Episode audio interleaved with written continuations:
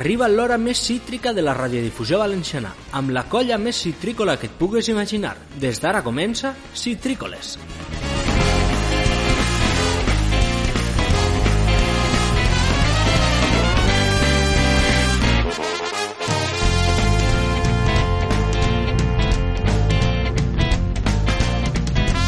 Hola, hola, hola, estimada audiencia y benvinguts a Citrícoles en este ja any 2020 que pels moments en els quals ens trobem jo crec que això de felicitar l'any no sabem si queda ja desfasat o no. Bé, en tot cas anem a ser educats i a felicitar-vos l'any a tots i a totes i també vull saludar, com no, a Marcos Llorenç. Què tal, Marcos?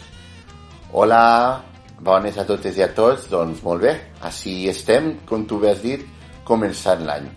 I Albert Miret, el nostre tècnic, que està ahí també. Què tal, Albert? Mm, Què tal? Molt bé, eh, i feliç any nou també per a tu i per a Marcos i per a tota l'audiència del món mundial que sabem que ens escolteu i que esteu ahí darrere.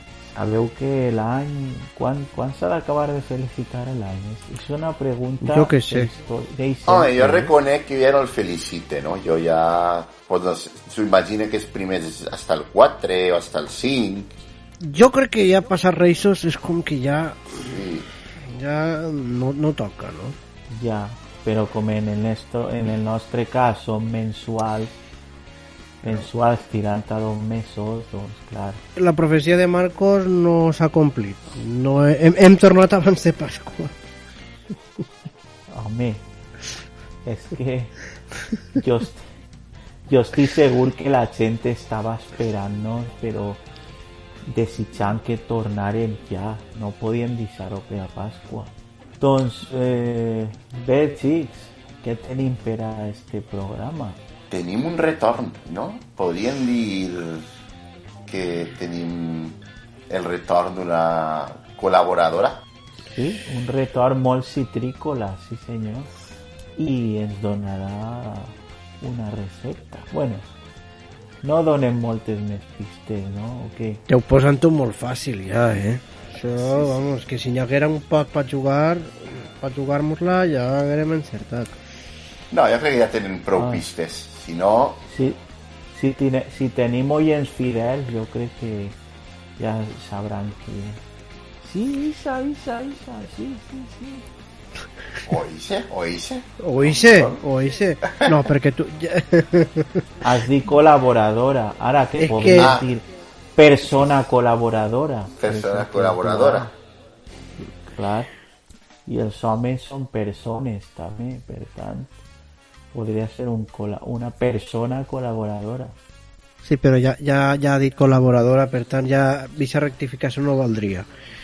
En qualsevol Sí, cas... i, I em parla de receptes i de Sí. gastronomia. Sí, ja em dona massa pistes com per despistar. Sí. Escolta, però tu, eh, Fernando, ens dus de la discoteca un disc i la cosa no va precisament de retorn, no?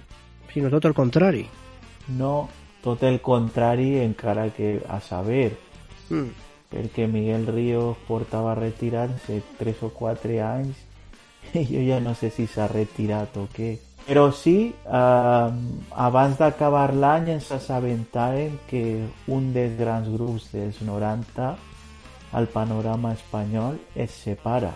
Estem parlant d'Extremo Duro, que realment jo crec que portaven molt de temps sense fer coses junts, perquè Robe Iniesta ja havia gravat els seus discos en solitari, també ha escrit algun que altre llibre, o sigui que era com posar-li el colofó, no? posar-li un final digne a este grup que jo no sé vosaltres, però jo vaig començar a escoltar-los quan tindria 15, 16 anys.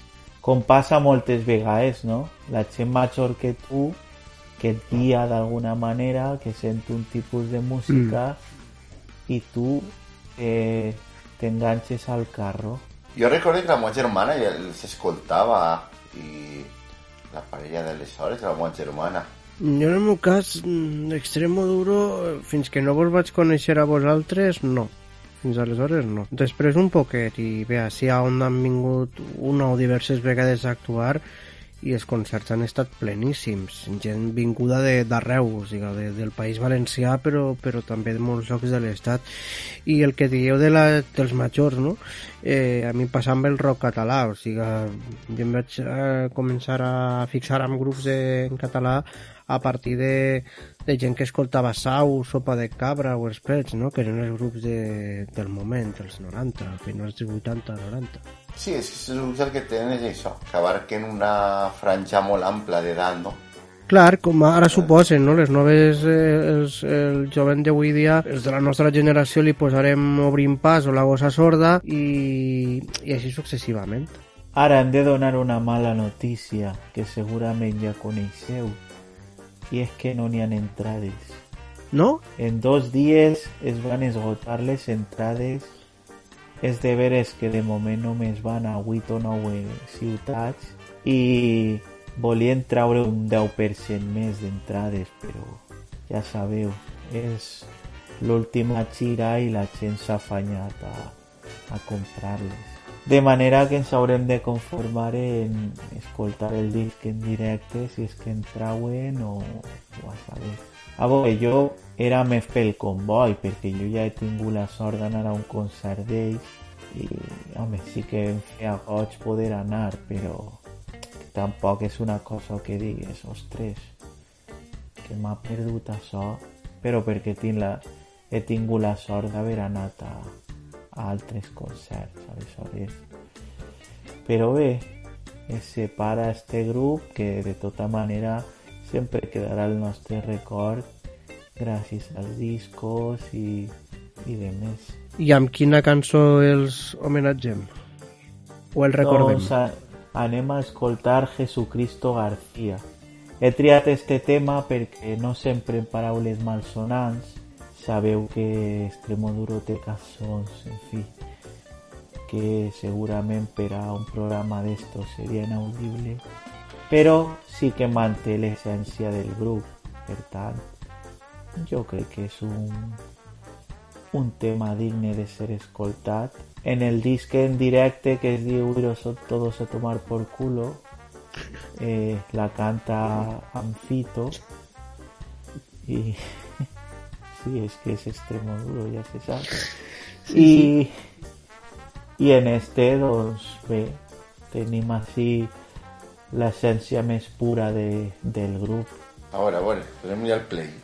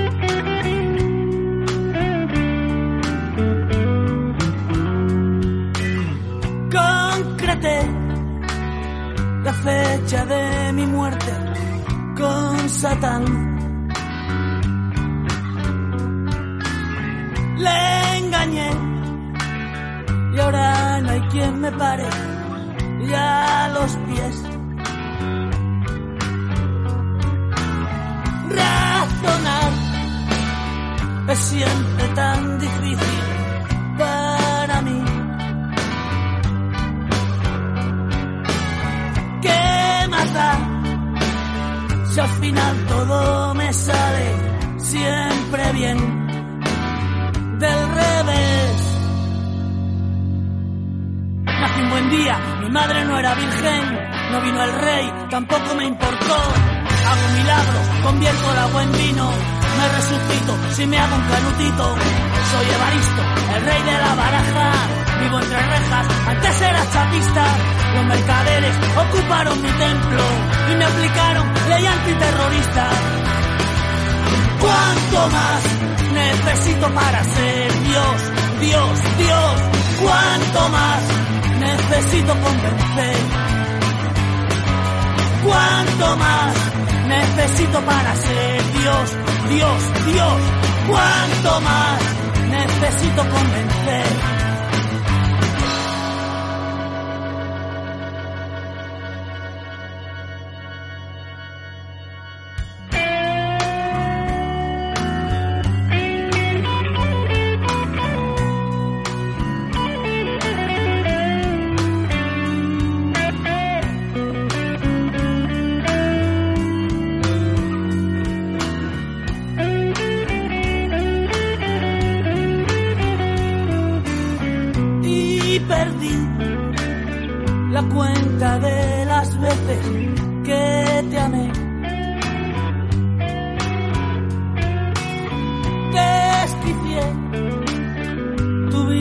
por ponerla junto a mí.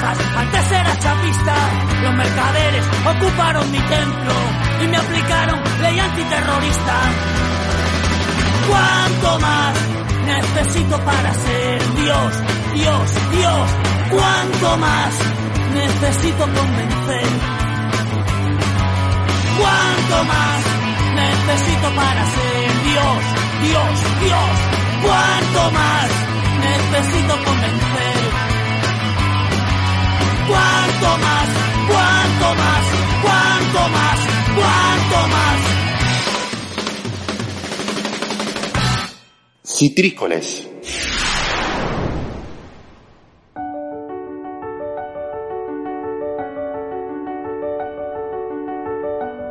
Doncs com comentàvem al principi, avui tenim una col·laboradora molt especial i segur que els oients més fidels la reconeixeran.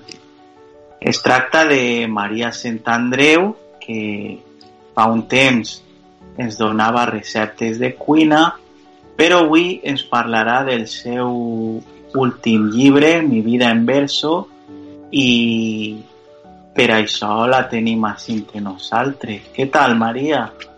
Hola, pues molt bé, encantada d'estar així una altra vegada i d'entrar de, en aquest univers no? de paraules, emocions i tot això que anem a compartir. Bé, eh, donar-te les gràcies per, per haver acceptat la invitació d'este que és el teu programa i les gràcies també perquè eres de les poques persones que, que ens fa comentaris bastant... Bé, només són opinions, eh? Més que, més que opini... comentaris són la meva opinió d'un programa en, del que jo he format part i em fa moltíssima il·lusió estar així amb vosaltres. Sí, però que s'agraïssin, perquè moltes vegades mm. pensem això que fem arriba a la gent, no arriba, i la veritat... Sí, és bo tenir una segona opinió, veritat. Clar que sí. Bé, Maria, conta'ns en primer lloc eh, què podem trobar en Mi vida en verso. Mi vida en verso és el meu segon poemari i consta de cinc parts diferenciades cinc etapes de vida. És un trajecte vital des de que vaig començar a escriure poemes quan tenia 12 anys, en 1998, fins a l'any 2018. 20 anys de poemes i és una selecció eh, que representa un poc la meva pròpia evolució personal però no va en línia recta, és com una escala perquè una etapa porta a la següent. La primera part eh, són els inicis, primeros passos, després hi ha una part que diuen que és molt emotiva, la de homenajes, eh, que ahí són persones pues, que han marcat la meva vida d'una forma especial. Després tenim l'etapa de Bibliocafé, l'escola d'escriptura on jo m'he format com a poeta, després hi ha una part de haikus i finalment un apartat per a les xarxes socials. Com bé has dit abans, tu escrius des de que tens 12 anys. Nosaltres tres que tenim la sort de conèixer ho podem ratificar, però quan te n'adonares que volies publicar? Perquè jo crec que tots els que escrivim sempre tenim un moment de, de fer-ho per desfogar-nos fins que ens animem a, a mostrar allò que tenim per ahir, que no és fàcil. Aleshores, quan va ser el moment en què digueres, va, ara crec que podria intentar publicar alguna cosa? Hi ha dues qüestions. Que una cosa és escriure i una altra molt diferent és publicar. Escriure és expressar el teu món i publicar és compartir-lo amb la gent. Jo vaig començar a escriure quan tenia set anys en aquell diariet encandau, perquè ningú poguera eh, saber el que, que jo sentia, el que jo pensava. Després, quan tenia 12 anys, ja vaig començar en, en relats, en contes i també poesia. Mm, jo no escrivint, però no pensava en res més. Sí que vaig guanyar algun concurs literari i me n'adonava que escriure m'ajudava, me feia sentir millor. Vaig anar recopilant tot aquell material i quan tenia 16 anys, en l'any 2001, va ser la primera vegada que vaig tindre aquest somni adolescent de quan siga un poc més gran voldria publicar un llibre de poemes. I aquest moment va arribar quan tenia 25 anys, en l'any 2010, quan vaig publicar Eclipse de Luna. Però ja el dic, són dues etapes, una és la d'escriure i l'altra la de publicar, són dues coses molt, molt, molt diferents. Mm. I damunt, este, mi vida en verso, has tingut la sort de poder-lo presentar al, al teu poble, no? Que això t'haurà ompli de goig també. Sí, quasi sempre que publique alguna cosa, les dues vegades, m'agrada començar en el meu poble, en Quatretona, perquè la veritat és que la gent m'hi apoya molt i més de 70 persones van vindre a la presentació i això no és cosa fàcil avui en dia, no?, en el món literari.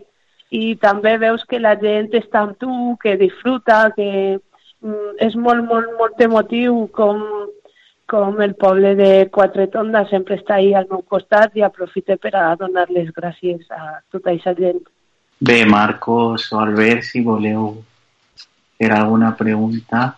Eh, jo li, te volia preguntar-te, bueno, quines diferències no? i quines, quins punts en comú ens diries que es poden trobar entre l'anterior llibre, entre Eclipse de Luna i, y en mi vida en, en verso. Ya, ya una diferència important i és que estan escrits des d'un impuls vital molt, molt diferent. Eclipse de Luna era un poemari d'adolescència, jo tenia 17, 18, 19 anys, i com es reflecteix en el títol, està escrit des d'un eclipse, un moment personal de moltíssimes dificultats i en canvi mi vida en verso és com, no sé si més positiu, però des de totes les dificultats que encara hi ha, eh, tracta de trobar la llum i està escrit des d'un moment vital més interessant, més, no sé si dir més divers, però des d'una franja de colors, podríem dir. I el que tenen en comú és que que estan escrits des de dins cap a fora, que, que intenta expressar, no? És una, una espècie de teràpia, en realitat. Quan escric poemes intente eh, llevar-me pressió interna i sentir-me millor al, al transformar-ho en paraules. La meva pregunta seria eh, quins han estat els teus poetes referents, o, o de referència, si Mm. més no? Quins han estat els poetes de, de referència? I dir-te que, que m'ha agradat molt la definició que fas eh, o la reflexió que fas al voltant de l'escala, no? Mm, Ah, sí. val. Mhm. Eh, sobre els referents, eh, hi ha molts. En la primera etapa, suposo que Gustavo Adolfo Bécquer és el més evident. També va influir molt la, la canció del pirata d'Espronceda. I després també Ana Maria Matute ha estat molt present en els meus referents, no sols com a escriptora, sinó també com a, com a persona, com a model a seguir. I mm, més recentment, eh, Alberto, Luis Alberto de Cuenca i Juana J. Marín Saura i potser també José Hierro. Són un poc els meus referents, però eh, hi ha un, un descobriment que vaig fer quan tenia 17 anys, que és Mario Benedetti, que sí que ha marcat la meva ruta poètica perquè va ser amb ell en qui vaig descobrir el verso libre i vaig dir, això sí, això sí que és el que jo m'identifique i el que jo voldria fer. I fixa't que me- me ha costat molt abandonar la, la mania esta de que tot té que anar en rima. Però sí, Mario Benedetti seria potser el, el meu referent més, més important. I això de l'escala, m'agrada que ho hagis preguntat. L'escala té un paper molt important en aquest llibre, Mi vida en verso, perquè els, els primers poemes els vaig escriure en una escala, junt al Teatre de Xàtiva, quan eixia de l'institut, abans de que els meus pares vingueren a recollir-me en el cotxe per anar a casa. I després hi ha una altra escala, la de casa dels meus pares, que no sé què me passa, però té, té màgia, té alguna cosa que quan vaig allí al poble me sente en el tercer escaló i de sobte és com que tot sembla més fàcil, eh, me costa menys riure i dic en la introducció que és un lloc especial per a renacer després de los naufragios. Eh, abans has parlat dels haikus. Mm. ¿Podrías explicarnos un poc en què consisteixen i com són frases curtetes, si ens, pogués, si ens podries llegir algun? Clar que sí, mira, els haikus són eh, uns poemes de tradició japonesa de format molt breu. Tenen només tres versos. El primer en cinc síl·labes, el segon de set i el tercer de cinc. És a dir, que en set síl·labes eh, ho has de dir tot. No hi ha temps de perdre's en històries. És molt concret, no apareix la primera persona i sol fer referència a observacions de la natura. I si voleu, pues en dic algun per a que veieu com, com sonen. Endavant. Per exemple, tinc un que diu una ilusión como tigre al galope dejando huella. Mm. Interessant, interessant. Ah, cert, i també volia comentar que la part de haikus va il·lustrada. Són uns dibuixos en blanc i negre que m'ha fet eh, Miquel Sant Andreu, el meu pare, i esta part té que valorar-se en el seu conjunt entre les paraules i, i la imatge, perquè la il·lustració aporta molt, no? perquè com són tan curtets, així que, que una bona combinació. També et volia preguntar eh, si estàs realitzant al- presentacions i bueno, si tens alguna presentació en, en vista. Sí, mira, la següent serà Pronte. La següent serà en Xàtiva, el 6 de febrer, i també aniré a Torrevieja el 18 d'abril. Després tinc que anar a València i a Castelló, però aquestes dates encara no estan confirmades, i un muntó de, de llocs. Pretenc eh, rodar el llibre per molts pobles i ciutats, i a poc a poc aniré fent el calendari. I tota la informació es podrà consultar en el meu Facebook, en Maria Sant Andreu i su ventana al mundo. Allí aniré publicant tota, tota aquella informació. Mhm. Els llibres ja es, ja es poden adquirir o se comprarien anant a la presentació? Com està el tema? De moment, és que, clar, com és una autoedició, no està en llibreries, el, el venc directament en les presentacions que vaig a fer. També estic treballant en, en l'edició de l'e-book a través d'Amazon, però encara no ho tinc disponible, eh, la transcripció al braille per a les persones cegues, i també, si algú que ens escolta està molt, molt interessat, es pot posar en contacte amb mi per el, per el Facebook o per el mail i li, li l'enviaria per correu postal amb els corresponents gastos d'envio, clar. Però que va, hi ha molts mitjans avui dia per a, per a comunicar-se. I tens en ment un altre gènere? Publicar un llibre de relats, una novel·la, eh, o de moment no, de moment estàs total... En realitat, mm, sóc una persona prou polifacètica, és a dir, els dos llibres que he publicat són de poesia, però jo escric mm, de tot un poc. Soc allò d'alma inquieta. Eh, tinc alguns relats publicats en antologies col·lectives i sí que m'agradaria pròximament publicar una espècie de quadern sobre temes de creixement personal, perquè jo també soc coach, en teoria i pràctica per a que la gent es, trobi un, un poc millor no? en, dins de les seues dificultats i els seus problemes. Perquè tant en el llibre com en els tallers de creixement personal que, que tinc en marxa, el meu objectiu és crear sinergies positives amb la gent per a que aquest món siga un lloc un poquet més, més agradable i més, més amable, no?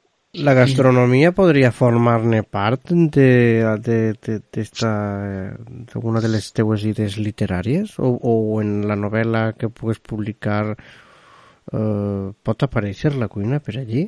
La cuina és, és alguna cosa que sempre està present en mi. En molts relats apareix menjar, en restaurants, espais, estan els espais, estan aquests detalls de, la veritat és que la cuina sempre se me cola, perquè la gastronomia és un dels elements fonamentals de la meva vida, junt amb la música i la, la literatura. Però sí, tinc una idea un poc loca que potser en algun futur la desenvolupe, no? que, que és barrejar la poesia amb la gastronomia i a veure què, què és per ahí. Sí. No, a més ja se diu que els llibres ens ajuden són un aliment per a l'esperit, o sigui que gastronomia i literatura van més unides del que, del que podríem pensar. Sí, la veritat és que la gastronomia enriquís molt, no? Mm, I és com a... No és el mateix... No sé, pareix que si no està en, el, en la literatura falta algo, perquè tots tenim en comú que ens agrada, no? Alguna cosa de la gastronomia. Sí, sí, fan una bona combinació.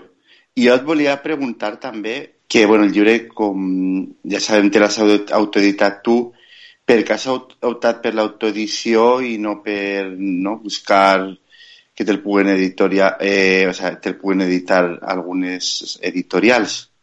La veritat és que hi ha que pensar-se-ho molt perquè és arriscat però també té les seues avantatges i amb l'experiència anterior d'Eclipse de Luna vaig descobrir que la poesia no se ven deixant en una llibreria, no arriba. La poesia necessita el contacte directe amb el lector i la millor manera és fent presentacions o, no sé, és que estàs molt prop del lector. No és com una novel·la que tu vas allí, la busques i no, la, la poesia necessita aquest anclatge de, de la emoció. Per això he decidit tornar a autoeditar-me aquest llibre. Doncs eh, estem acabant, però abans, si us sembla bé, anem a escoltar un dels, dels poemes que s'has fet arribar. Alas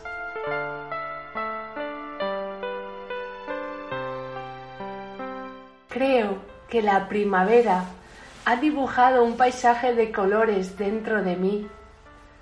Siento mariposas que bailan en la punta de los dedos. Siento el aire que mueve los muelles del corazón. Quizá la primavera sepa pintar paisajes limpios sobre el oscuro fondo de la mente. Tengo ganas de reír sin buscar un motivo. Tengo ganas de andar sin pensar en el futuro. Cierro los ojos, escucho el viento y el grito de un pájaro. Sé que mis alas son frágiles y no se rompen. Sé que el tiempo es fugaz y no puedo ponerle freno.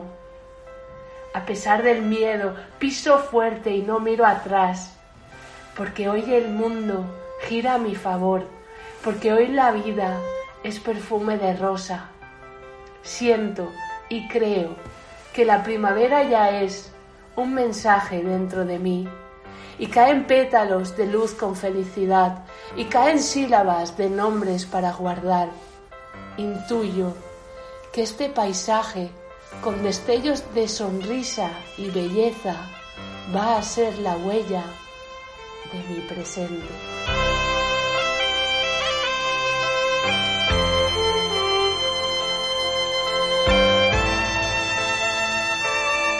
Doncs molt bonic, eh, clar que sí, i, i molt recomanable el llibre perquè jo crec que està molt ple d'emocions.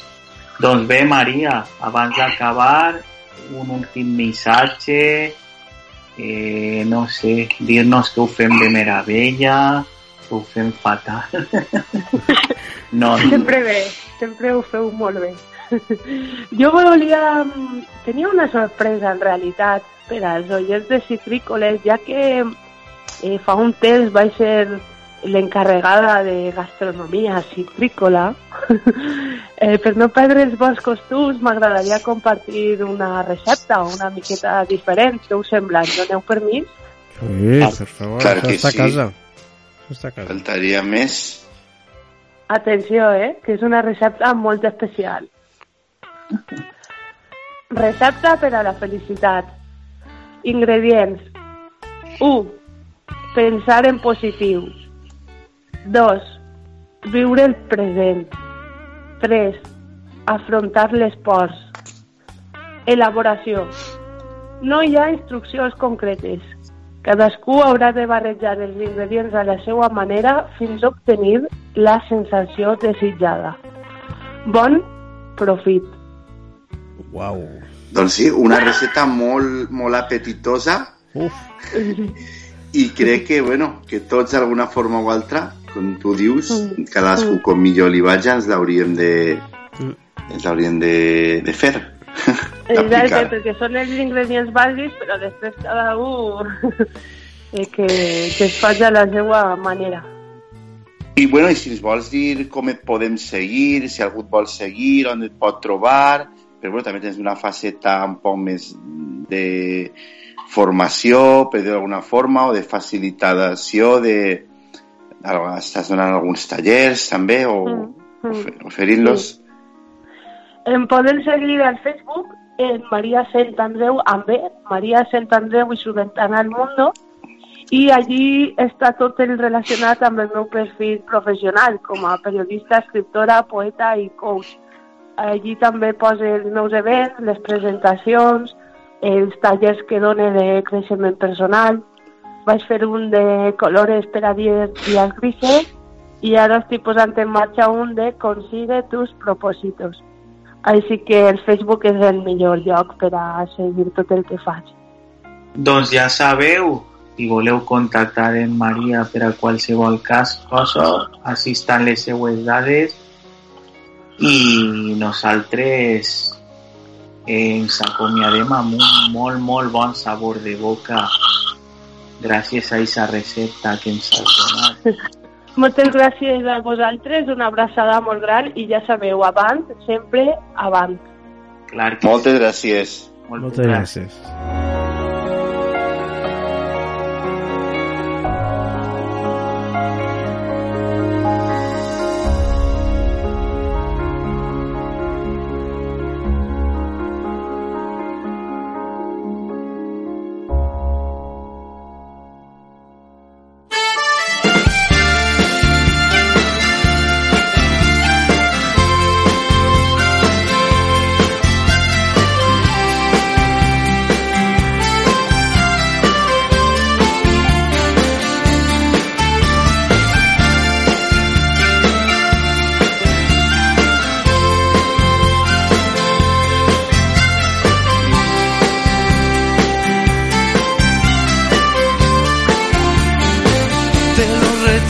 Una vida sale una canción y de los sueños rotos en el corazón de ese amor perdido, del que no queda ya nada.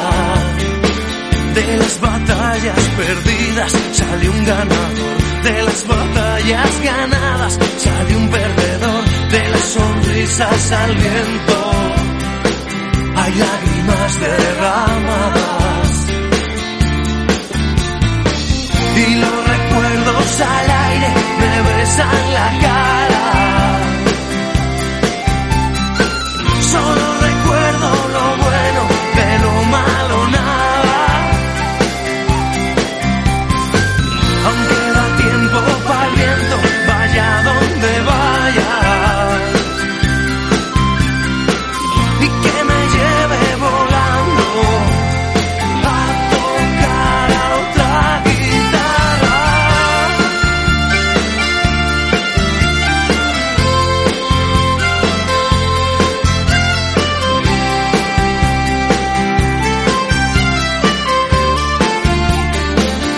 Los grandes subidones siempre hay un bajón. De las grandes amistades siempre hay un traidor. De los acordes mayores es el más grande menor. De las grandes ocasiones alguna y mejor. De los grandes perdedores hay un ganador. Es el mejor del equipo. El latido del corazón.